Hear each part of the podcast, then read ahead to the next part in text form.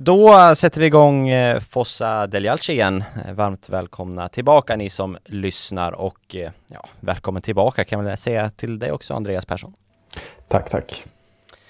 Hur, hur mår du den här halvsoliga söndags eftermiddagen? Halvsolig? Ja men i veckor vi är det halvsoligt. Vi har ju haft medelhavsväder nu i flera veckor. Mm, jag har ju tänkt på dig i dessa tider. För att du inte gillar värme. Man får hålla sig inomhus. Eh, idag, dagens avsnitt, vi ska prata lite, ska vi ska säga det att det är du och jag. Eh, Kerim kunde inte vara med idag, så det är eh, Old School, David och Andreas eh, solo. Eh, I dagens avsnitt så ska vi prata om lite dagens läge. Vi gör, kollar in, eh, riktar blickarna mot Milano. Vi ska prata om Lukas Paquetá som Andreas har lite tankar om så vi kan se var de landar. Och sen så avslutar vi den här podden med en drömelva. Säger inte mer än så, men det handlar om drömelvor från säsongen och sen så ska vi på en lyssnaruppmaning kolla lite på underskattade spelare i Milans eh, historia. Låter det som en eh, meny som smakar bra? Det ska bli väldigt roligt att prata om. Härligt, då kör vi intro.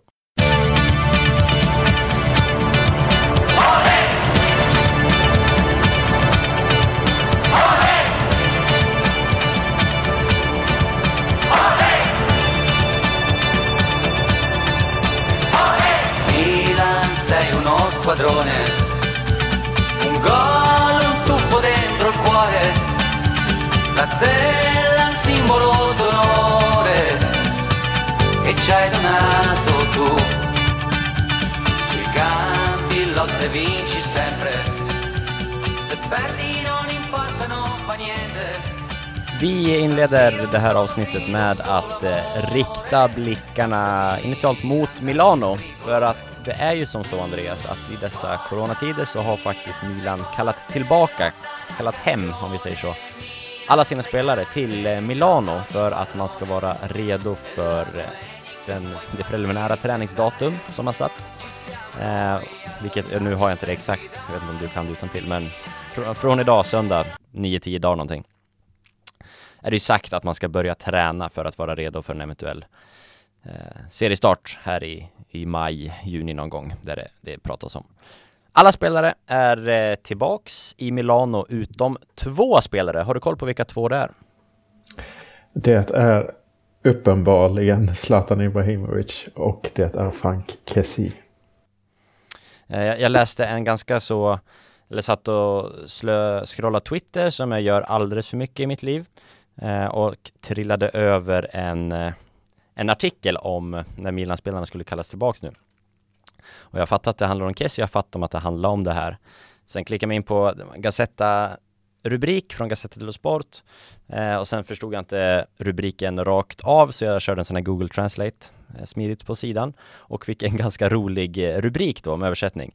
Kessie misslyckas med att återvända Italien. Flyg saknas. Punkt. Men Milan bryr sig inte. Jag tyckte den var, var ganska kul. Nu har jag inte exakt hur den lät på italienska. Eh, förmodligen en liten halvdan översättning. Eh, kontentan, jag, jag fattade ju kontentan, jag fattade ju rubriken efter det, men jag tyckte det var ganska underhållande. Ja, det var väldigt roligt. Milan bryr sig inte. men eh, Zlatan är det ju svårt att inte eh, prata om i, i dessa tider. Eh, ja, till och med jag satt och, och spanade lite på, på när hans, hans säger jag nu, men när Hammarby hade träning, intern match man rundar Tegnells ord och kör eh, intern träningsmatch.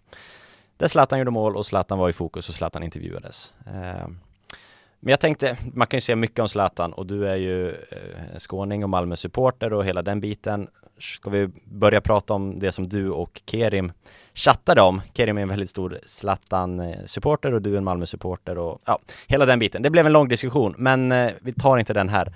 Men det jag tänkte säga ur ett Milan-perspektiv så så här är ju Zlatan som sagt kvar i Sverige och han säger att han kommer till Milano när, när det behövs. Eh, hur, hur, tänker du kring hans resonemang där, att han faktiskt inte lyssnar på, på klubben?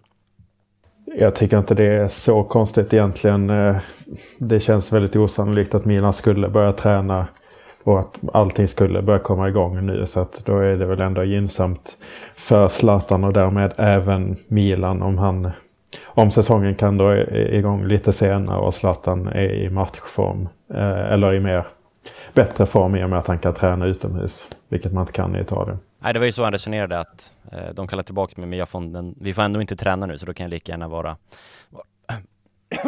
Ursäkta. Då kan jag lika gärna vara hemma eh, i Sverige. Men jag reagerar ju lite, jag håller väl egentligen med om att förmodligen är det det bästa i långa loppet. Sen vet vi inte hur dialogen har sett ut. Men anledningen till att Milan har kallat tillbaks sina spelare nu är ju för att man, spelarna ska kunna sitta i karantän i två veckor och sen vara redo att eh, dra igång träningen när det nu sägs att de ska börja träna. Det här ignorerar ju Zlatan, så skulle det bli så att mot förmodan att de börjar träna om 9-10 dagar så om jag fattat det rätt får inte Zlatan hoppa in i träning utan då måste han till Italien och sitta i karantän först. Så någonstans så det här respektera kontrakt, respektera klubbarna som äger honom. Ja, jag vet inte. Jag, men jag håller med om att det är väl smartast att han tränar med Bayern som han gör nu. För Milans skull också. Men mm, någonting skaver i mig. Jag vet inte. Alltså det, det, är ju, det blir ju lurigt i sig att han är kontrakterad med oss och representerar en annan klubb eh, som han gör. Det blir ju, sen blir det ju väldigt uppblåst som tränare. De borde inte ha fått spela den här matchen, träningsmatchen i sig. Liksom det går ju emot de riktlinjerna som Folkhälsomyndigheten har. Så det kan man ju vara kritisk till eh, i sig. Och sen så dels så blir det ju väldigt mycket uppmärksamhet där han förknippas med ett annat lag. Och då, han är ju fortfarande, det är vi som betalar hans lön, alltså Milan.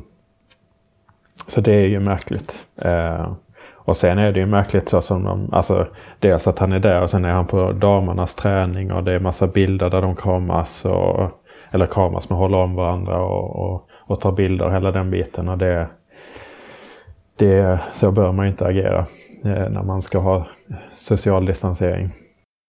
Stockholm är inte direkt safe zone i Europa just nu. Nej. Sen är det kanske bättre än Italien, men ja. Nej, det, det är delade Eh, jag är kluven internt över det här. Eh, men förmodligen så spelar det väl ändå ingen roll för jag tror inte Milan kommer, eller Serie A kommer sätta igång oavsett. Så det är väl egentligen bara en, en hypotetisk diskussion där. Jag tror också Zlatan har gjort sin sista match i Milan. Jag, jag tror också det. Det om det. Finns det något mer att säga? Nej, jag är väl fortsatt pessimistisk egentligen om att det ska starta någon gång snart. Då släpper vi det och kastar oss in på att diskutera en av de spelarna som faktiskt ska vara på plats i, eller han är i Milano. Det har han bevisat via sina sociala medier. Och det är våran brasilianska trequartista Lucas Paquetá som, som du slängde upp att ja, men han vill jag prata lite om. Mm. Vad, vad tänkte du på? Ja, men, eh, att jag inte vet riktigt mycket om honom känns det som. Eh, men eh, anledningen till det från första början är liksom att om man blickar framåt. Vars, vilka spelare ska vi ha, har vi kvar nästa säsong? Jag har pratat ett par gånger i den här podden om att Leao är det anfallsalternativ som vi har som vi faktiskt äger. Och det, eh, medan Zlatan och Rebic kommer att försvinna om, om kontrakten är som de är nu. Eh, och eh, och, då får man, och så, så fortsätter jag tänka då i resten av banan. Då landar jag på Paketao. Ska han, är det någon man ska satsa på eller inte? Det är väl i, i så sätt därför jag började tänka på honom. Um, sen, uh, så, så dels så tycker jag att, han, jag tycker att han är en gåta liksom. För jag brukar ha rätt, rätt så klar uppfattning om vad jag tycker i alla fall om specifika Milan-spelare. Vad de går för, vad jag tror på dem potentialmässigt och sånt där inte sällan är jag, är jag kanske emot en allmän uppfattning om vissa sådana spelare. Men just Paketa vet jag, alltså jag får inget grepp om honom. Eh, så det är skälet eh, till att jag vill eh, ja, öppet liksom reflektera lite. Ska man behålla honom? Hur ska man förhålla sig till det? Jag delar din uppfattning om att det är väldigt svårt att få ett grepp om honom som, som både som person men som spelare inte riktigt liksom fått någon uppfattning om, har han kommit in i gruppen? Är han accepterad? Är han en i gänget? Han var ju väldigt nära Piontek eh, och de värvades samtidigt, de kom samtidigt som dyra värvningar eh, och levererade också ganska bra tillsammans. Jag tycker Paketa har ju varit som bäst, precis som Piontek, i de första tio matcherna de gjorde i, i klubben. Sen har det bara blivit sämre och sämre och han har fått väldigt lite speltid också, Paketa. Eh, men eh, lite så, alltså jag tycker det blir eh, Ja det är oklart om han är med i gruppen och är han inte med i gruppen så är det väldigt svårt att prestera på planen också eh, Tror jag. Eh, så, så, så, en del kring den biten har jag tänkt på eh, senaste tiden också. Ja. Eh, om, om, man börjar lite, jag, jag bläddrar igenom hans Wikipedia-sida på, på engelska och ser om det var, fanns något spännande innan nu när jag ändå ville ta upp honom. Eh, han heter Paketa, vet du varför? Eller det står Paketa på hans tröja. Vet du varför? Nej. Det är utifrån Paketa Island där han kommer ifrån. Alltså han kommer från en ö som, som heter Paketa. Mm -hmm. eh, men eh, en annan grej som var intressant där var att han har spelat tidigare eh, i Flamengo ju. Eh, kommer från deras ungdoms... Eh, det var ju därifrån vi köpte honom. Men han kommer från deras eh, ungdomssektion. Vet du vem han spelade med där? Eh, Gabigol kanske? Nej, nej han kommer nej. från Santos, vad dum jag Han är i Flamengo nu väl? Uh, uh, uh, uh, nej, inte på rak arm. Leo Duarte. Oh. Ja. Mittbacken som vi äger, som alla har glömt. inklusive mig själv. Som alltså värvades ett halvår efter Paquetá värvades då. I förra mm. sommaren. Eh, Nej, det, var, det hade jag ingen aning om. Så det tyckte jag Apropå intressant. social aspekt? Frågetecken. Pre precis, precis. Undrar om de är, alltså det man kan veta om jag kommer falla tillbaks på den sociala aspekten så, så det man bygger det på är ju tv-bilder och sociala medier. Det alltså, det är den inblicken vi får i deras liv. Eh, sen kanske de inte, de kanske är jättebra kompisar, kanske bara inte jätteaktiva på sociala medier. Kan ju vara så också. Mm. Men det är intressant. Milan har ju gjort värvningar för att plisa det sociala förr, om vi säger så. Ja, absolut. Utöver eh. att, ja, vi har inte sett så mycket av Duarte som fotbollsspelare. Han skadade sig tämligen omgående. Så är det. Sen en, en annan grej, jag hade skrivit upp paket eller jag ville prata om honom tror jag eh, strax innan allt det här med Corona kom ut. Och det berodde på att senaste matchen mot Torino eh, så eh, så fick han ju spela som trekvartista. Första gången han fått göra det. Och det är också en sån grej som jag eh, har funderat mycket på. Vilken är hans optimala position? Eh, om man går på på Eh, alltså jag, innan, han, innan han spelade som trekvartist så har jag tänkt att det är där han ska spela. Utifrån liksom den stunden briljans man ser och, och hela den biten. Eh, han är... när han får chansen i Brasilien, som han har ju spelat en, en del ändå, så har han nummer 10 på ryggen och spelar som nummer 10. Han spelar som trekvartist i Brasilien. Men i italienska ligan så, så spelar han som en mer defensiv mittfältare. Alltså han är ingen defensiv mittfältare men han spelar ju längre ner i banan. Eh, och har mer defensiv uppdrag än man har i Brasilien. Det, det känns väldigt märkligt just den grejen. Eh, och eh, så det, det, det är också någonting som jag eh, har funderat på länge. Vad, vad är hans rätta position egentligen? Han själv säger ju att han hellre vill spela som Metsala, alltså halvvinge. Vi, ja, vi slänger jag, oss mycket förresten med sån här, eh, alltså ändå, fattar alla vad vi menar med italienska positioner? Kanske bara ska säga det. Trequartista betyder tre kvart. Alltså mellan mittfält och anfall, offensiv mittfältare typ. Metsala betyder halv vinge, alltså man är inte en vinge som i 4-4-2, en vinge där, utan man är en halv vinge. Alltså den yttre mittfältaren i, en tre, i ett tremanna mittfält. Jag tror att eh, 98 procent av våra lyssnare har koll, men kanske inte ordagrant vad det betyder. Kanske inte ordagrant vad det betyder. När du säger det. Eh, och jag har också alltid reflekterat över att han säger att han, att han ser sig själv som en mittfältare.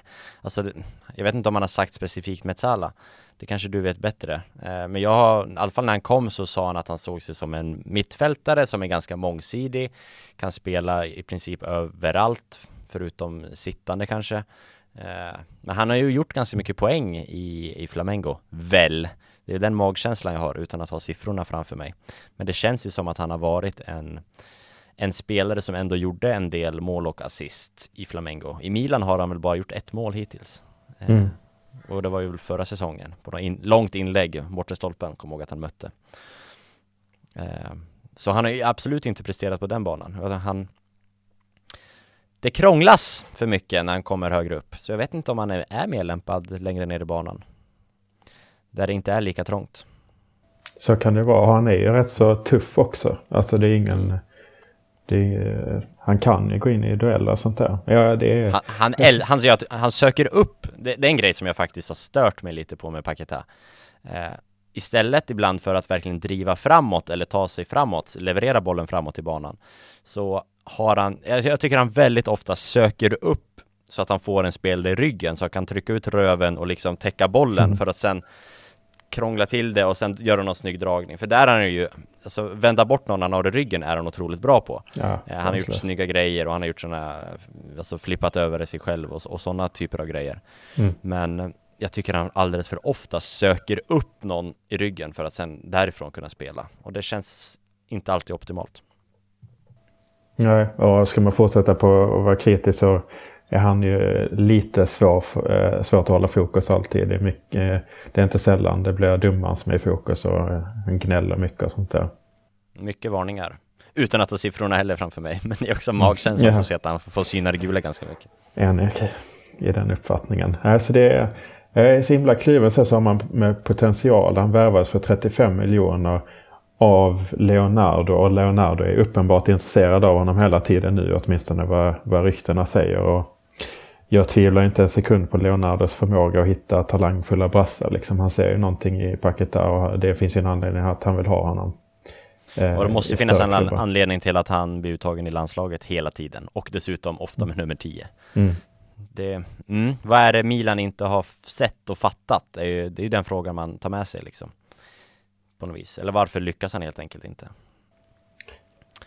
Och eh, som du säger med vad han är för typ av eh, person också. Eh, nämnde du att han spelar data? Och, ja, det, ja, det sa jag innan vi började spela in. Precis. Han är en otrolig eh, gamer eh, enligt sociala medier. Det är det han lägger upp på sin familj. Han har precis fått barn och jag undrar om det inte är hans andra barn. Eller ja, också otroligt mycket magkänsla i det här avsnittet. eh, men han har, de har precis fått barn, han och hans fru. Eh, men när det inte är bilder på barnet så är det ofta eh, när han spelar spel. Typ, kom... typ game, eller vad heter det? Call of Duty och motsvarande. Jag kommer att tänka på en helt annan grej. En intervju jag såg med Benazer för länge sedan. Eh, som jag väldigt fick mig att tycka om Benazer ännu mer för att han pratar fran eller italienska med en fransk, jättetydlig fransk brytning och jag tycker att det är så himla eh, Ja, det är så timid fransk brytning som eh, jag tycker den är så himla fin.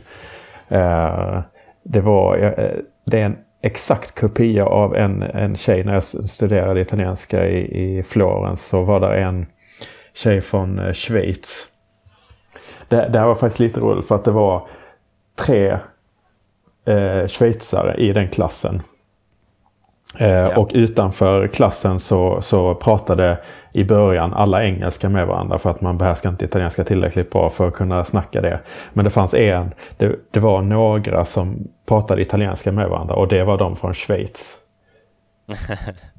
och det är ju för att de inte kunde konversera med varandra på något annat sätt. För att hon som pratade franska med den här franska fina brytningen på italienska, hon kunde inte engelska.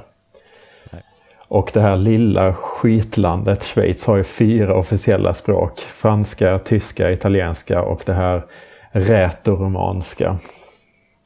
Eh, så de kunde inte konversera. Hon, skulle, hon ville plugga på ett universitet. Nej, hon skulle flytta till en annan del av landet. Hon behövde lära sig italienska och sen så var det en tyskspråkig schweizare som inte kunde prata något annat med italienska än, än honom då, som skulle börja på ett universitet som krävde italienska. Allt inom Schweiz. Så alla pratade med varandra på engelska utom de som kom från samma land. De kunde bara det här italienska som man skulle lära sig.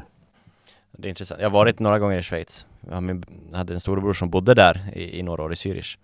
Och det vill säga, han fick en gå via sin arbetsgivare så fick han liksom ja, men gå ty tyska kurser. För att eh, i Zürich är det ganska mycket tyska. Eh, så. Eh, så han gick tyska kurser och sa, men hur, hur funkar din tyska ute i vardagen? funkar inte. De pratar inte tyska, de pratar schweizertyska, vilket mm. är, är tyska med ganska, eller väldigt grov eh, dialekt eller brytning eller så. Eh, så det är knappt att vanlig tyska funkar heller, för de har sin specialtyska. Eh, Så det är i alla fall att förstå. De kanske fattar att så höra, men man förstår knappt vad de säger om man kan tyska tydligen. Så Ja. ja, det är inte lätt. Schweiz. Jävla skitsland. Eh, Det, anledningen till att jag tog upp den Benazer-intervjun var att han fick någon sån här fråga om ramsor. Och då skulle han fortsätta sätta den vanligaste Milan-ramsan som är Forza Lotta, Vincerai, non ti lasciare mai. Eh, och då sa han att Paketa alltid gick runt och sjöng på den. Ja, just det. Ja, Så det är ytterligare en, Kanske. en dimension i Paketa. ja, då kanske han har lite personlighet i omklädningsrummet ändå, om han vågar ta ton. Ja. Han är ju trots allt brasse, så ja. Nej, det är intressant. Men eh, har du landat någonstans då? Behålla eller sälja? Har du kommit dit i tankarna? Min, min eh, grundinställning är att, eh, att jag vill behålla spelare som inte har lyckats än för att för att vi, vi har, Milan har inte råd att sälja spelare som inte har potential med. Men jag vet inte vad jag har för bild. Lyssnare får gärna komma med sina åsikter om honom. Det är också en spelare som, om man ser från Twitter och olika Milan-forum, otroligt splittrat. Mm. Många som säger, ja men in med Paketa, in med Paketa, spela honom från start och vissa liksom, eh, han gör ju Mm. ingenting. Eh, så, så jag tror det är många som delar våran splittrade bild. Men eh, hör av er, vad tycker ni om Lukas Paketa? Är det något värt att satsa på, kanske till och med bygga omkring, eller eh, ska det vara en truppspelare, eller ska vi helt enkelt sälja honom? Ni vet var vi finns på, eh, framförallt på Twitter. Bumper! Milan, Milan, corre va, più nessuno ti fermerà.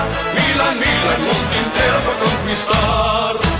Då ska vi ta och prata drömälvor eller en eh, fantasielva eller kalla det vad ni vill. Eh, det var du som kom med det här initiativet Andreas och jag gissar att det var någon Twitter-tråd, alltså det finns ju antalet Twitter-trådar, utmaningar, challenge, ta ut dina dröm utifrån de här kriterierna, det svämmar ju över.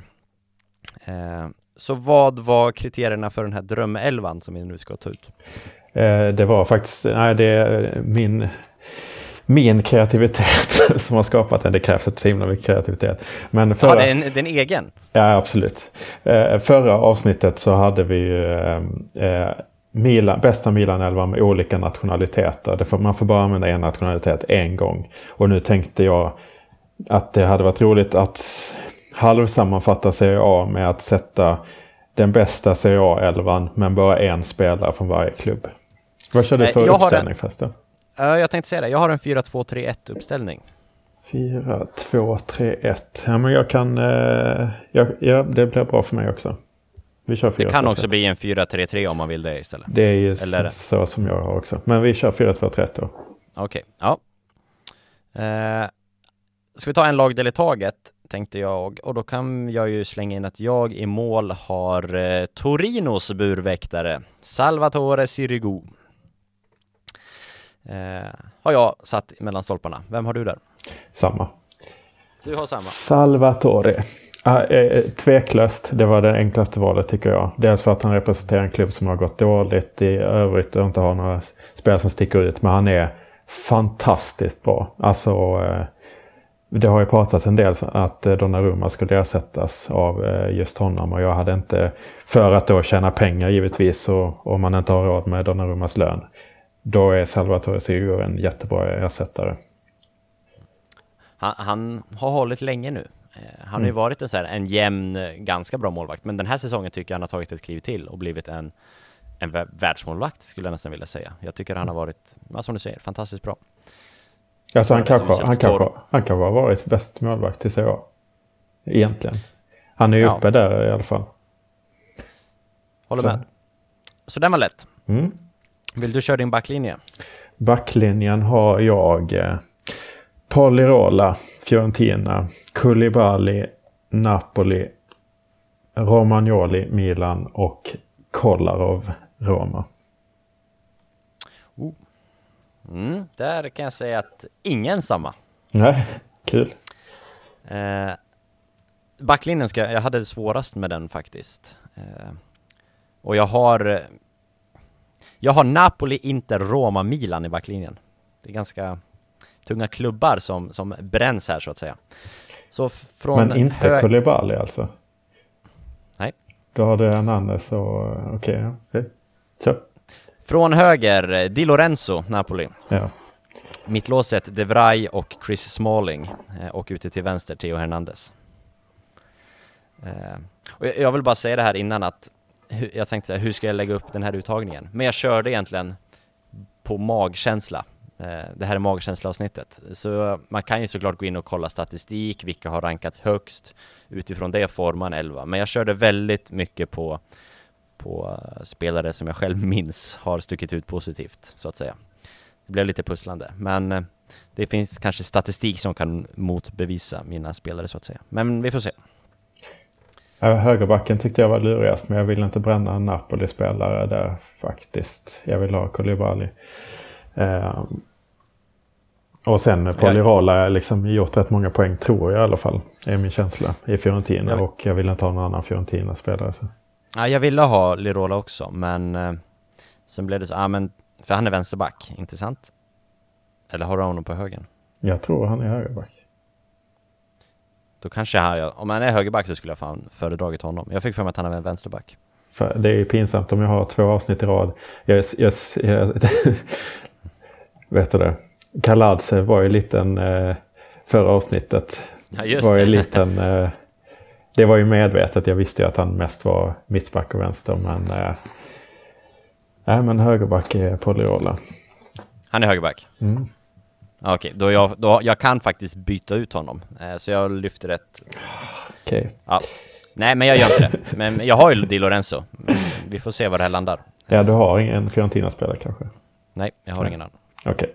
Ja, ska vi bränna vidare? Eller har vi något mer att säga där? Koulibaly i och för sig inte så bra den här säsongen. Romagnoli Nej, jag tycker tänkte säga det. Koulibaly har inte varit så bra. Men De eh, ja. Han är bra men han, får också, han har också en väldigt gynnsam roll i Inters backlinje. Ska jag säga. Tycker han gör en del framåt också. Eh, I hörnor och sånt. Ja, alltså han är, han är jättebra. Men jag tycker att Skriniar till exempel hade säkert varit... Han, eh, Skriniar drabbas lite till exempel av hur Inter spelar i min bild. Medan Vrij gynnas. Eh, Chris Smalling, mycket bättre än förväntat, vill jag säga. Eh, och Theo Hernandez behöver vi inte säga så mycket om, tänker jag. Mitt mittfält, eh, och då kör vi 4-2-3-1 då, ett tvåmanna mittfält med eh, Raja Nangolan, Cagliari och eh, Amrabat, som jag inte ens vet vad han heter i förnamn, Hellas Verona. Han heter eh, so Sofian. Vet du det för att du har honom också, eller? Japp. och sen har jag bredvid honom Tonali i Brescia. Mm. Jag Också. valde mellan Kullers, eller mellan Nainggolan och eh, Tonali. Jag har ju Nangolan också. Men eh, Tonali för mig var också ett givet val. Han har ju varit fantastisk den här säsongen. Har väldigt stor potential och var, är lite eh, halvt aktuell för Milan. Det pratas lite om det, jag tycker jag mig höra. Det hade gjort mig väldigt glad. Han är ju milanista. Det är det som är... Han säger att... Visst har han sagt att hans... Han har haft liksom Gattuso som favorit, Mhm. typ. Jag kollar, eh, eh, just det, jag har spelat in ett avsnitt av CL-podden igen om ni vill lyssna på det förresten. Men där pratar vi bland annat om Champions League-finalen eh, 2003. Och då eh, såg jag eh, Andrea Pirlo där till exempel. Och när han var yngre då sprang han lite mer eh, och, och sådär tog några maxlöpningar och hade ju inget skägg och kort. Alltså han, han är ju så jävla lik. Eh, alltså det är Alltså Tonali och Pirlo, de är så, när, han, när Pirlo var yngre, det är så fruktansvärt likt. Utöver då att båda kommer från Brescia och så vidare. Ja, då har vi jag, Amrabat och Radja Nainggolan och du har Amrabat och Tonali då, som sittande. Yes. Eh, en offensiv tridente då. Vad har du? Då har jag Nangolan där i mitten som offensiv mittfältare som han spelar. Jag utgår ju lite mer utifrån vilka positioner spelarna har. Eh, och han eh, eh, flankeras av Josef Ilicic, Altalanta och Jeremy Boga, Sassuolo. Ah. En av eh, tre samma då. Eller ja, Nangolan har vi samma sen tidigare. Jag har också såklart Ilicic, som kanske enligt mig är Serie A's bästa spelare hela säsongen. Eh, och där eh, den offensiva tridenten med Ilicic så har vi Luis Alberto i mitten. Mm. Eh, och eh, Dejan Kulusevski Ja, på kul. kanten. Eh, förtjänar den tycker jag, svensken. 20 år fyllde han häromdagen också. Eller var det 19? Han fyllde år i alla fall häromdagen. Jag vill ju ha eh, Kulusevski men han spelar ju på samma position som Ilicic så att... Eh, Nej, men det, Kulusevski kan lira båda sidorna. Det har han gjort under kan, säsongen. kan, kan han ju. Ja, nej Okej, men där Kallad- där på andra sidan så eh, Jeremy Boga har ju varit, alltså han har gjort typ 77 likadana drömmål den här säsongen. Från sin kant när han bara går in och bombar. Alltså han är helt sanslös. ja, Båga var, han var vill jag ha också. Men Mm. eh, jag valde Kulusevski framför. Men eh, Luis Alberto är ju den spelare som jag fick ta bort sist. Vilket beklämmer mig ytterst. Men då är det här väldigt intressant. För att det här innebär ju att jag tror att du inte har någon Juventus-spelare i din elva. Det är korrekt. Eh, jag har ju då bränt min Lazio-kort för Luis Alberto. Ja. Eh, så jag kan ju inte ha Ciro Mobile, som jag gissar att du har. Yes, det har jag. Kan du gissa vem jag har? Det är rätt svårt att argumentera för någon annan Chiron Immobile som är på hur många mål som helst. Jag var ju inne och snuddade på, eh, när jag hade Luis Alberto så hade jag Petagna som har gjort 11 mål i spall. Som, om man ska dubbla dem som man ska göra i små klubbar så landar man ju på 22. Men, eh, Mycket du, straffmål, mycket straffmål på Petagna. Ja, men det är också mål som ska göras. Nej, men jag är enig där. Det var därför jag tog Immobile. Du har väl eh, antingen så går du på position och då tar du Ronaldo, annars så har du ju Dybala. Nej, Nej jag har Ronaldo. Ja. Tråkigt val, men jag blev så här, jag, jag satt också ganska länge och så bara, fan jag har ingen Juventus-spelare i elvan. Det kanske man ska ha. De leder ju trots allt ligan ändå. Man, det, man kan ju också göra etiska val. Som, som du, har, du, du la märke till att jag inte har någon Juventus-spelare. Du la inte märke till att jag inte har någon Inter-spelare heller. Nej, det, det gjorde jag faktiskt inte. Men det, när du säger det så, så är det ju så. Ja, nej. På sin plats. Eh, är Jag tycker, Eh, jag tycker att våra lyssnare ska avgöra återigen igen vilken elva som är bäst. Vi lägger upp dem snyggt grafiskt på något vis. Men kan du dra din snabbt bara? Min är då Sirigu i mål, Lirola, Koulibaly, Romagnoli, Kolarov i backlinjen. Mittfält med Tonali och Amrabat. Eh, och offensivt mittfält då med Ilicic, Nangolan, Boga och längst fram Ciro Immobile. Och jag jobbar då Sirigu, Di Lorenzo, De Vrij, Smalling, Theo Hernandez, Amrabat, Nainggolan som sittande och framför där Kulusevski, Luis Alberto, Ilicic och Ronaldo. Mm.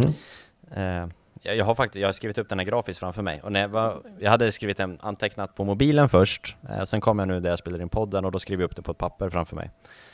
Och då märkte jag att fan jag har ingen inte-spelare, så jag tryckte faktiskt in De Vrij ganska sent. Ah.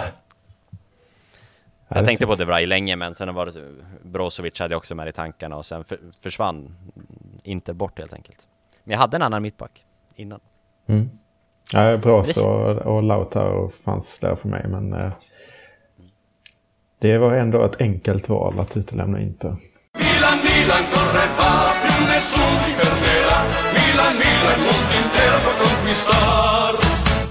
Vi fick på Twitter en uppmaning från Anton Ermling Eh, som skrev ett, eh, twittrade till oss och skrev Skulle inte ni kunna göra en 11 med era mest underskattade spelare? Min absoluta favorit är till exempel Ambrosini. Jobbade i det tysta, behövde nästan aldrig göra någon gra- dramatisk glidtackling alla Gattuso eftersom han alltid låg rätt på, eller äh, låg i rätt position. Spelade enkelt, snyggt och tryggt. Så utifrån den tweeten så ska vi nu prata om underskattade spelare. Vi kommer inte få ihop en hel 11. För det var inte lätt kan jag säga att få ihop en 11. Eh, och han, han kom in på det själv också lite senare att 11 kanske är svårt, men topp 3 i alla fall. Och det ska väl kunna leverera, en trea. Absolut. Ambrosini, underskattad. Det tycker jag. Det här är ju svårt med underskattade spelare för det bygger ju på vad folk har för förväntningar. Men jag vill absolut också eh, säga att jag uppskattar Ambrosini. Jag har en tröja med Ambrosini på ryggen. Eh, utöver det han sa, fantastiskt på huvudet. Och jag menar, han gjorde eh, hur många säsonger som helst i Milan. Eh, vad det nu Jag, jag satt och, satt och eh, som alla andra slötittat på lite krönikor nu på SVT Play.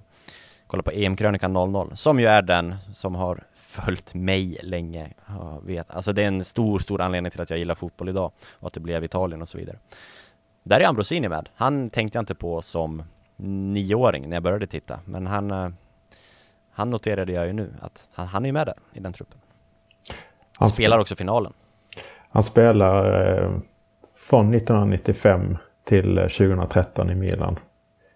Eh, vad det nu blir, 18 ungefär år.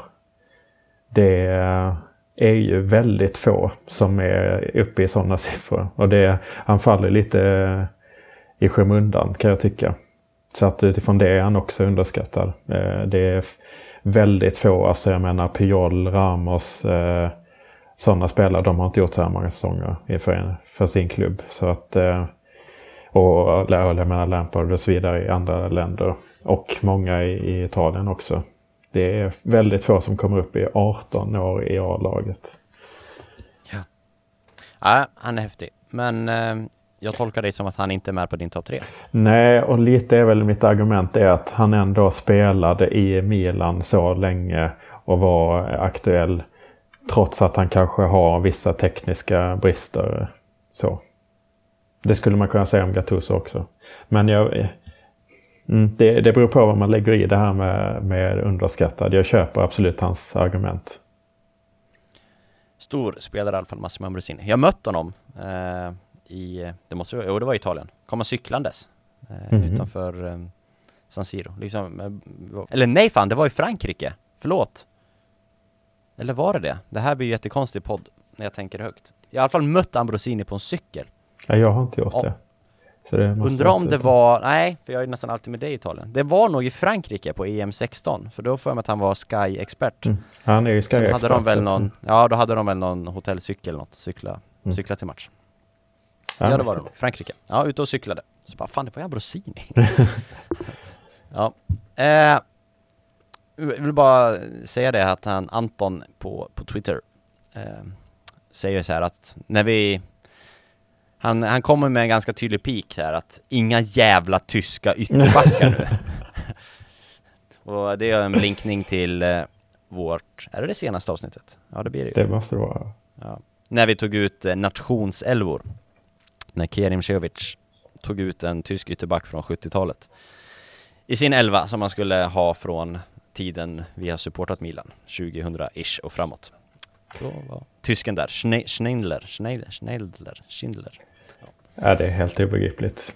Det finns ju några andra namn att nämna om man ska gå historiskt, men det gjorde inte han. Och vi fick då inte gå historiskt. Så att, eh, mm. Och sen vinner man med en röst på en omröstning och så blir man kaxig för det. Det, det är, det är inga stora marginaler. Ja, verkligen. Det ska han ha. Han kommer ändå inte lyssna på det här. Så det kan vi säga. Kerim alltså. Anton lyssnar Men, ska vi ta våra topp tre då? Yes. Vi kan säga att du hade svårt att få fram tre. Jag har haft lätt att få fram tre. Jag, kunde, jag var inte nära en elva alls. Men att få fram namn tyckte jag inte var så svårt faktiskt. Men det är ju otroligt, som du har sagt, vad lägger man i underskattad, olika tider och så vidare och så vidare. Så vi, vi, vi lär väl komma in på de här resonemangen tänker jag. Mm. Vill du börja nerifrån? Eller så har du någon, har du någon ranking på dem? Har du topp tre eller är det tre? Jag kan köra topp tre i alla fall utifrån mina argument. Alltså det här blir så himla eh, subjektivt. Det handlar inte om att jag tänker att topp ett på den här listan är den bästa fotbollsspelaren i så fall. Eh, och det här handlar inte om att det här är de bästa spelarna som Milan har haft utan det handlar om vad jag uppfattar att den allmänna uppfattningen bland supportrar i allmänt eller i Milan-led har eh, för bild av den här spelaren jämfört med kvaliteterna. Så att det blir ju, man får ju någonstans chansa på vad folk, eller ha en... Jag kanske har helt fel i vad folk egentligen tycker om en spelare, då blir det ju fel. Ja. Precis, Men äh, den, den här eh, sista, som, eller den här eh, som jag tar på tredje plats då, det gör jag lite för att det var den här jag hade svår, svårast att skaka fram. Eh, och jag har ganska kort argumentation till det. Eh, och det är eh, Daniele Bonera. Åh! Oh. Bonera, Bonera, Bonera. Eh, Våran assisterande tränare? Frågetecken. ja, frågetecken. Är han kvar? är det någon som har sett honom någonsin på någon bild, på någon video? Jag vet Ja. inte. Var, var är Daniele Bonera? Ja, det är så himla oklart. Men eh, alltså lite på sånt här tema skulle man kunna välja Montolivo också. Har du honom förresten på din lista? Ah, Montolivo var topp fem, inte topp tre. Ja men bra. För att då kan jag ändå bara säga att jag förstår inte hur man liksom, alltså reaktioner mot en spelare i ens eget lag som gör sitt allra yttersta alltid. Ehm, som om man kanske inte håller måttet och presterar tillräckligt bra på grund av tekniska brister eller annat. Då är det ju inte spelarens fel primärt utan det är tränaren som tar ut den sportsliga ledningen som har värvat den här spelaren och inte värvar in andra spelare och så vidare. Eh, för, eh, och det är inte bara liksom om man tar Montolivo-fallet så är det inte bara i Sverige eh, på nätet här som man liksom kritiserar honom utan det var, så är det när man var på San Siro så han buades ju ut liksom när man ropade upp hans namn och trots att jag menar han eh, eh han eh, fick spela väldigt lite på slutet efter att han var kapten och sen så eh, han har liksom aldrig sagt ett negativt ord och så vidare. Jag förstår inte hur man kan vara Ja, jag, jag, jag, jag är kritisk mot de som kritiserar spelare på de grunderna. När, man är, när en spelare sköter sig, inte snackar skit, gör sitt allra yttersta. Eh, men jag tror ju inte Montelivo, men jag tror Daniele Bonera. Och eh, det är väl mitt så att alla är ju, eller väldigt många upplever jag är extremt kritiska mot honom. Eh, och det är väl egentligen därför eh, jag tar honom. För att han, han var ju inte så extremt som, eh, begränsad som fotbollsspelare. Och framförallt som, så är det ju det här att han gav verkligen allt för Milan när han fick spela. Eh, han värvades, tror jag, som högerback. Eh, gjorde det väl inte så, så bra i början men sen så skedde det massa skador i backlinjen på nästa Kalalse eh, Malini tror jag. Så, så fick han gå in i backlinjen som mittback där och sen så började han göra det bra där. Ja, och sen så kom de tillbaka, då fick han gå till bänken eller till högerbacken igen och sen så blev han helt okej där. Och då hela karriären mer eller mindre, han var ju nästan aldrig ordinarie utan han kastades hela tiden in där han behövdes det eh, som mest. Och sen så hade han själv en del skador. Han spelade dessutom skadad har man, har man fått veta i efterhand som helt klart påverkade hans prestation. Han spelade skadad för att flera andra, det verkligen behövdes, det var kris, alla de andra var skadade. Ehm, så dels det att han offrade sig, spelade skadad, fyllde hela tiden in eh, där det behövdes, om det var som ytterback eller som mittback. Eh, trots att det var olika spelare han spelade hela tiden. Det var sen olika tränare eh, också. Så att det är ju väldigt svårt att få kontinuitet när man bara kastas in och göra det bra då. Ehm, och då kan man väl också säga att han typ offrar, för han var ju väldigt lovande när han kom till Milan och, och man skulle kunna säga att han, han offrade ju på sätt och vis sin egen eh, karriär eh, med att vara reservalternativ. Eh, lite så. Han, ha- om han hade spelat med kontinuitet i en Ja. annan klubb så hade han presterat bättre, kanske kunnat vara landslagsaktuell på ett helt annat sätt och så vidare.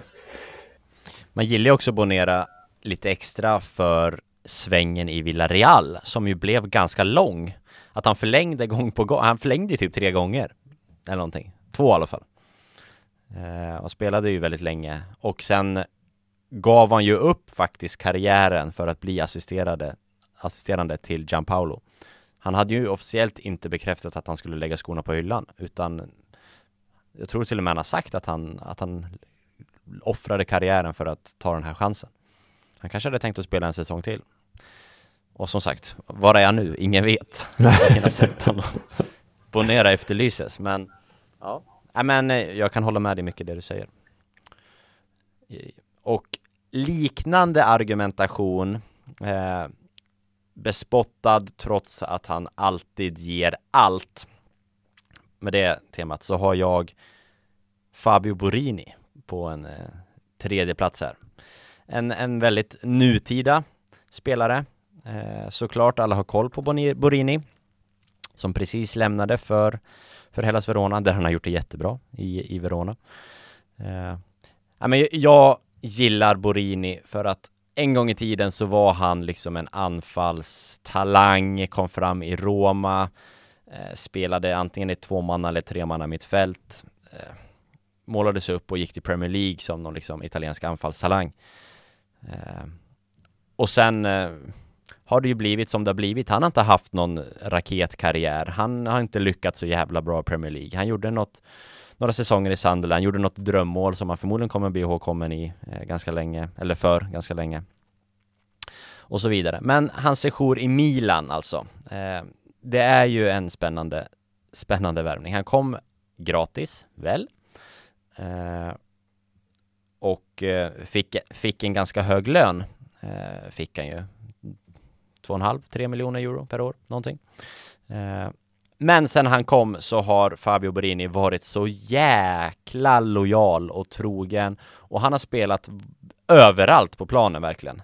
Han är ju inte en anfallare längre. Han har väl blivit någon form av ytter, eller han blev någon ytter i Milan. Men han spelade, han spelade fan i ett tremanna mittfält, han spelade som eh, ytter i en 4-4-2, han spelade wingback eh, under en period i en 3-5-2. Han har ju hoppat in i alla fall som ytterback, alltså Ja. som renodlad ytterback i en fyrbackslinje. Han har spelat ganska många matcher som central mittfältare. Under Gianpaolo så var ju Borini under försäsongen och några matcher in på säsongen så spelade han som, som Mezzala. Han har fan spelat överallt, förutom kanske sin naturliga position. eh, som han, han är väl lite mer naturlig nu i Hellas och då går det ganska bra. Och under den här tiden har han fått så jävla mycket skit Fabio Borini. Eh, och vi har, det finns videoklipp när han dribblar bort sig själv och tappar ut bollen över sidlinjen och sånt. Och ja, han är, han är, han är inte Milan-klass. Det är han inte. Eh, och han är kanske, han är sämre än Bonera om man på något vis ska jämföra. Bonera var ganska bra men hade väldigt bra lagkamrater. Borena, Borini stack inte ut tekniskt i ett ganska dåligt Milan. Så han var inte så jävla bra. Eh, men bättre än kritikerkören tycker jag. Eh, förtjänar absolut inte den skit han har fått. Lämnade sitt tre, tre miljoner kontrakt i Milan för att gå till Hellas. Eh, har alltid gett 150% och spelat på alla positioner som inte är hans naturliga. Och så 17-18 säsongen gjorde han 5 plus 5 mål och assist. Ganska långt ifrån mål. Eh, var viktig i Europa League den säsongen. Så han var inte pissdålig heller. Han var ganska, han var mycket bättre än hans rykte, helt enkelt. Där sätter jag punkt för Fabio Borini. Och så har han ju en eh, patenterad målgest också. Oh, viktigt. Det- ja. Bra argument. Jag är svag för spelare som har patenterade målgester. Ja, jag är förvånad att du inte tog upp det. Ja, Nej, men det, jag, jag kan bara instämma. Och just det att han lämnade sitt kontrakt när det var tydligt att klubben inte önskade honom. Så, så eh, gick han ner i lön för, för, för speltid. Och eh, ja, liksom. Ja, nej, jag, jag, det är svårt att klara. Jag förstår inte. Det är ju helt missriktat att kritisera spelaren i det fallet. Det är ju någon som har värvat honom. Ska han då tacka nej till Milan för att han känner att nej men jag är nog inte tillräckligt bra? Det är ju inte jag så går till, jag spelare går till Bologna för halva lönen istället. Ja. det är Nej, inte så inte så spelare funkar. Nej. Nej. Nej, Ja. håll i huvudet. Ja, ja, men det är Men bra. eh, Borini, fin Borini. Mm.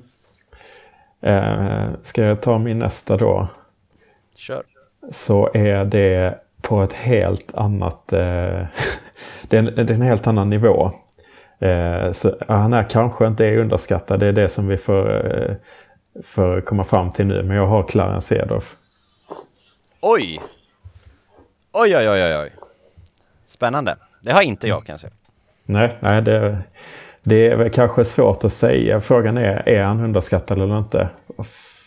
Heter det? Jag hade ju skrivit upp stödord här men jag hittar inte dem. Jag kör. Eh, han... Eh, eh, jag kommer ihåg när jag satt på ett forum på Svenska fans och fick liksom argumentera för att Clarence Cedorf ska spela. Eh, och eh, det var någon som argumenterade för att vi istället skulle värva Luca Cigarini då i Cagliari. Som var nyttast medelmåttig Serie A-spelare. Och då försökte jag liksom lyfta argument. Det här är en spelare som har spelat, vunnit eh, Champions League fyra gånger med tre olika lag. Det är unikt. Ingen spelare har gjort det. Uh, och då var det liksom, nej men eh, det är för att han har spelat i bra lag. Chigarini hade också gjort det när han hade spelat i de lagen. Om det är bilden av Cedorf då är han ju såklart väldigt överskattad. Jag tror att det här var en, en liten, det är kanske ett representativt i sig.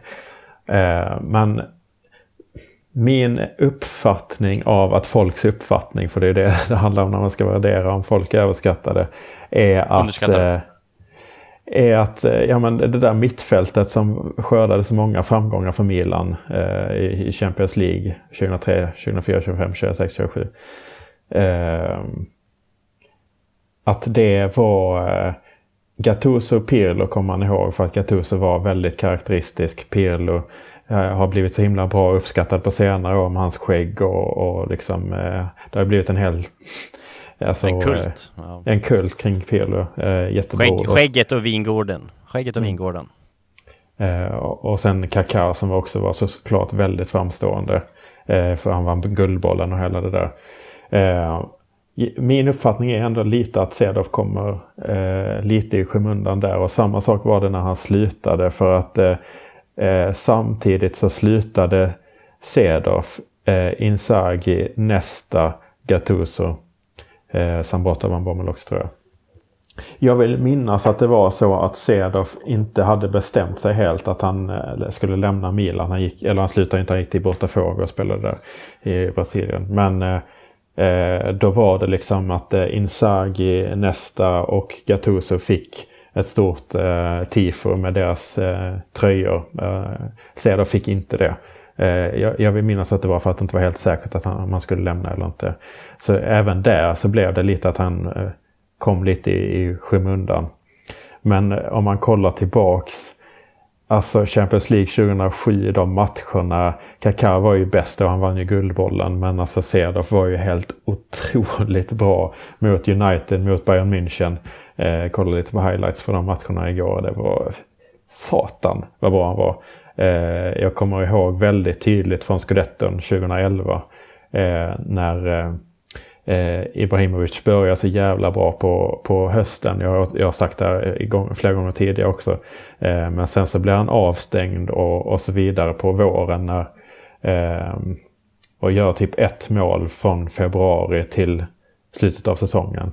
Eh, då träder ju istället Ceder fram och gör en 3, 4, 5 mål i avgörande matcher och sådär. Eh, han höjer sig verkligen då på våren och, och när ligan avgörs och vi vinner titeln.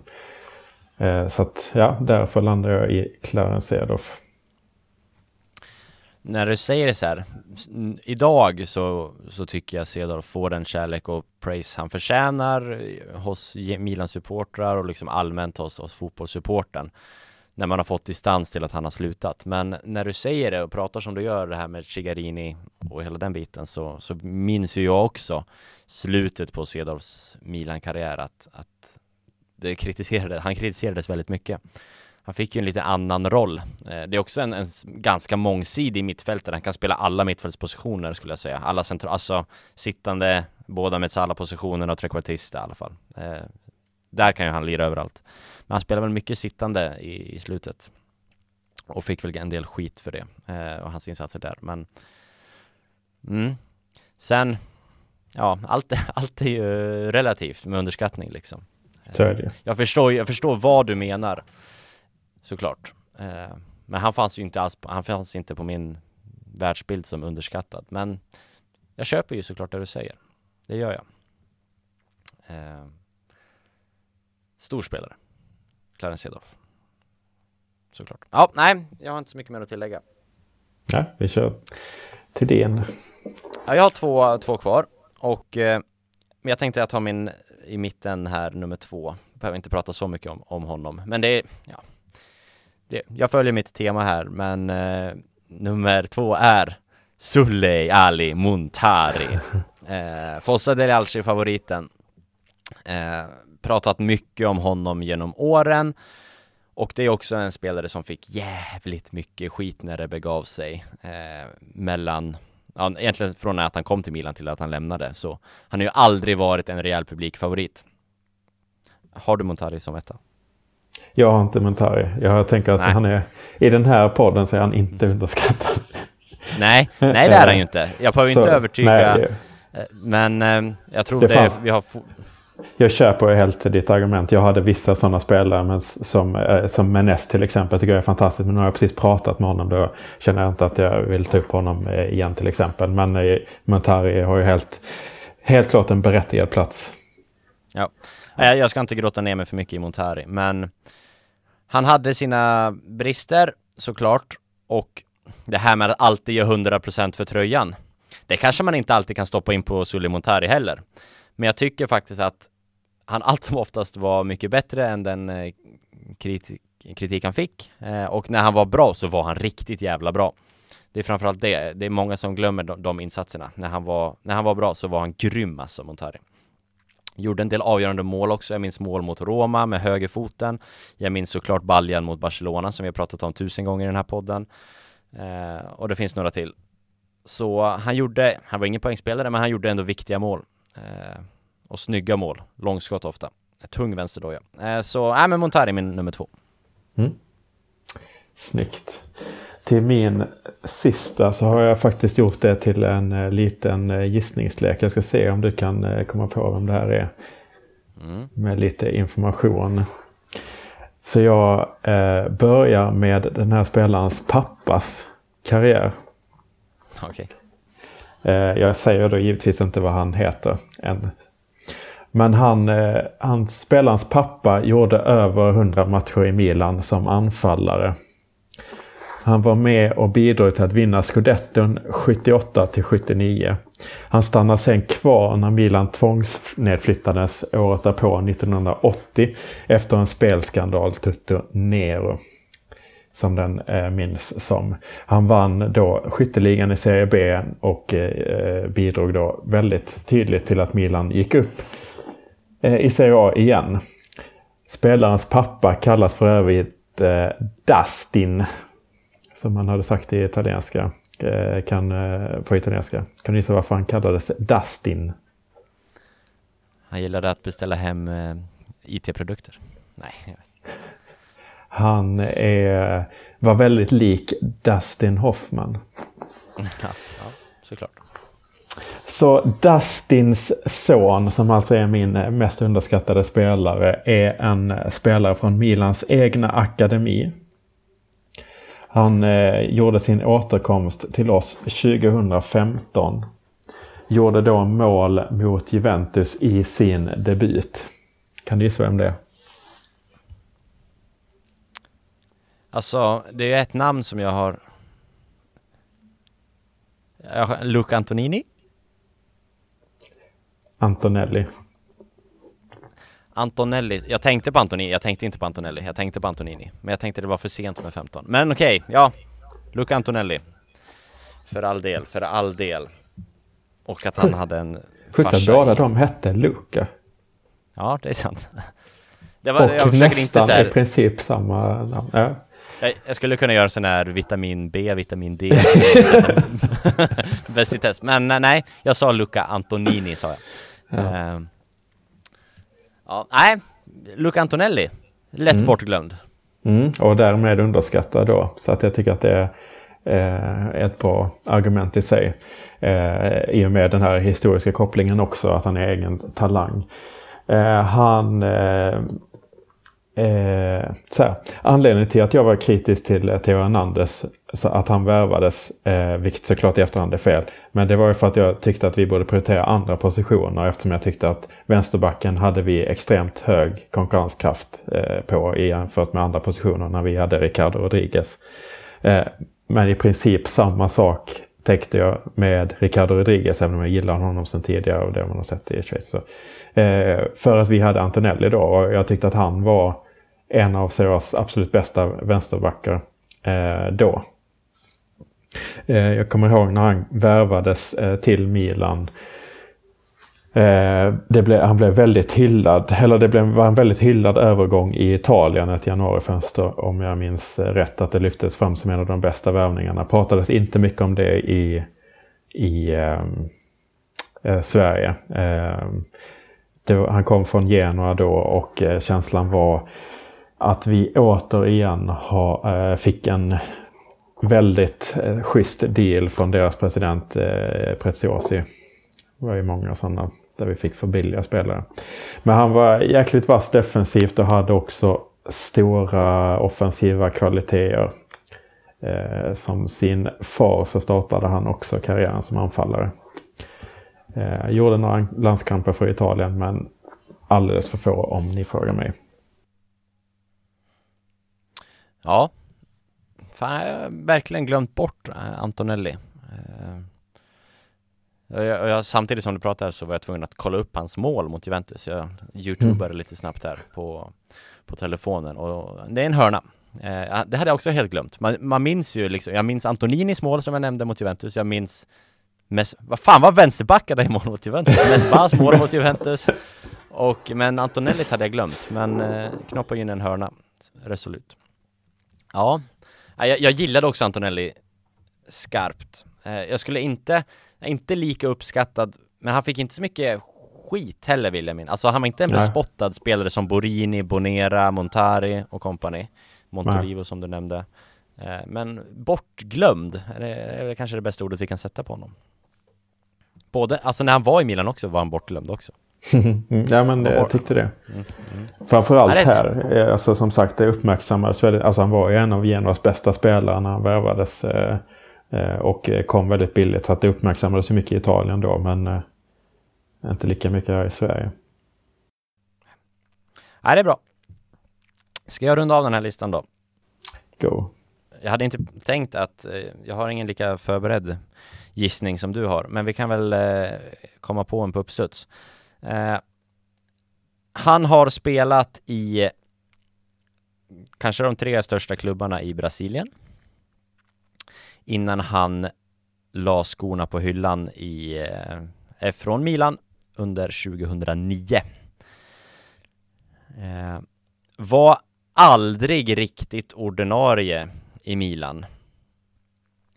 Eh, men kanske ändå under den här, under sin peak världens näst bästa spelare på sin position. Och han var aldrig heller riktigt ordinarie i landslaget, trots att han var världens näst bästa på sin position. Enligt flertalet kritiker. Eh, gjorde 24 baljer, 281 matcher för Milan. Och har eh, Ja, eftersom han la av 2009 eh, så har han ju varit med på hela den här framgångsrika Champions League eh, 2000-talet som du nämnde. Kom till Milan 99. Efter att ha varit i tre av de stora brasilianska klubbarna. 24 mål, 55 assist hade han också i Milan-tröjan. Trots att han aldrig var riktigt ordinarie. Alltså jag kan ju gå vilse här men eh, han kanske inte var där så länge. Alltså jag tänker Serginho. Men han var slut... Det var... Är det han? Ja. Det är Serginho.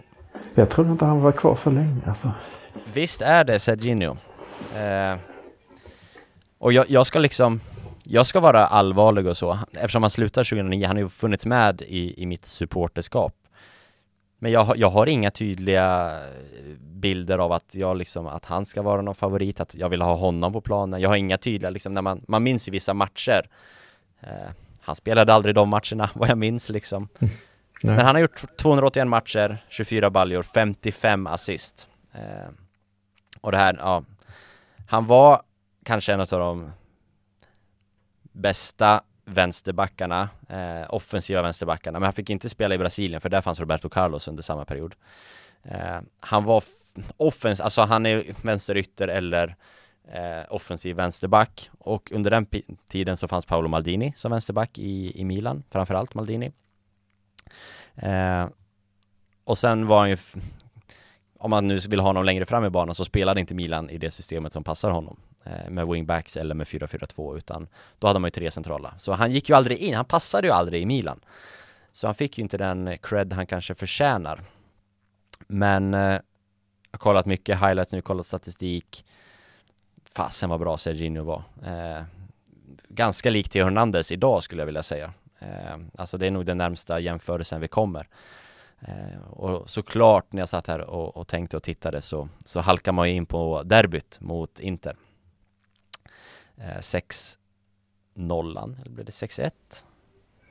6-1 va? 6-0. Blir det 6-0? Det är pinsamt att jag har glömt. När jag kollade på det framförallt. Men det var inte inga Inter-highlights. Jo, 16 Jo, men det, det är en ramsa Ja, ja, jo, det är så. 16. Det är 16. Det är 16. Eh, och där, alltså, han-. Ja. Han, han är ju inblandad i allt den matchen. Han gör ju för fan allt i den matchen, Serginho, från sin vänsterkant. Om det är fem av sex mål han är inblandad i. Något i den stilen. Han är helt magisk i den matchen. Eh, så, ja, ungefär sådär. Serginho, underskattad, med de tyngsta argumenten att han hamnade i skuggan av Roberto Carlos i landslaget och eh, Paolo Maldini i Milan.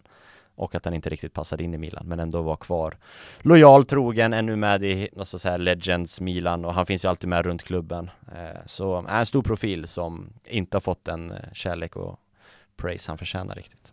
Mm. Inte heller bespottad, men eh, lite bortglömd. Mm. Ja, men det är mäktigt.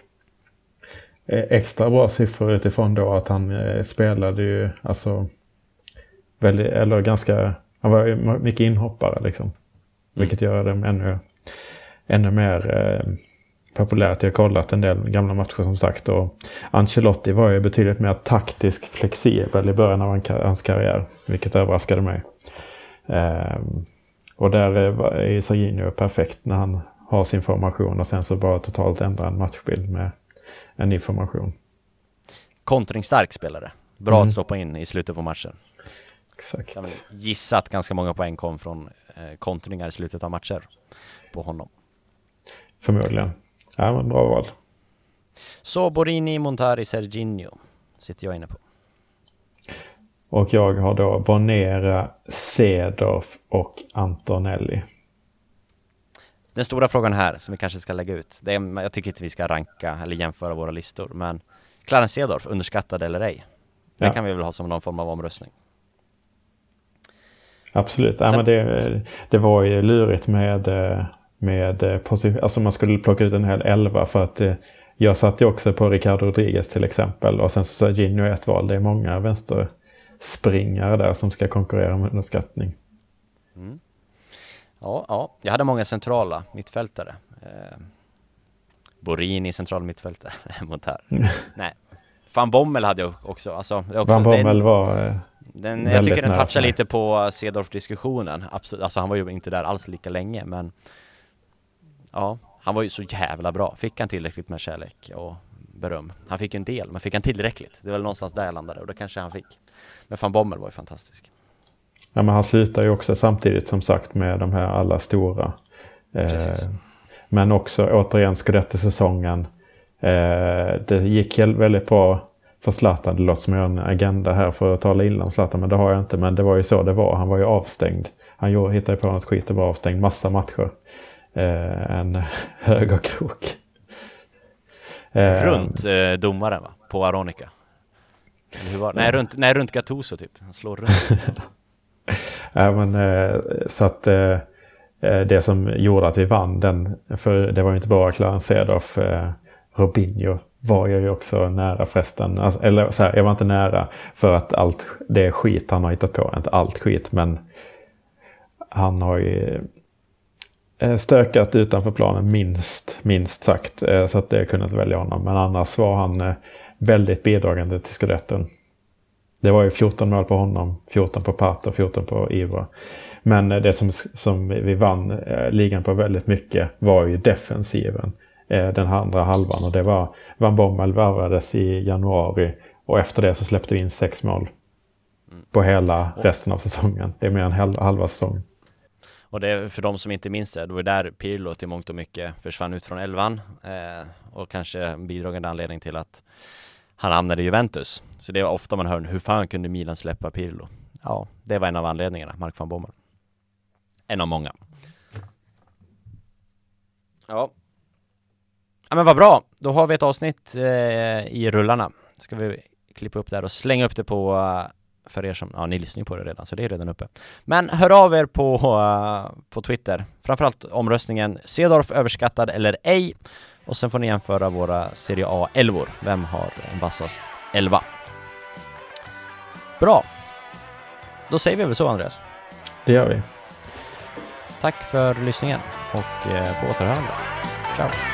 Ciao, ciao.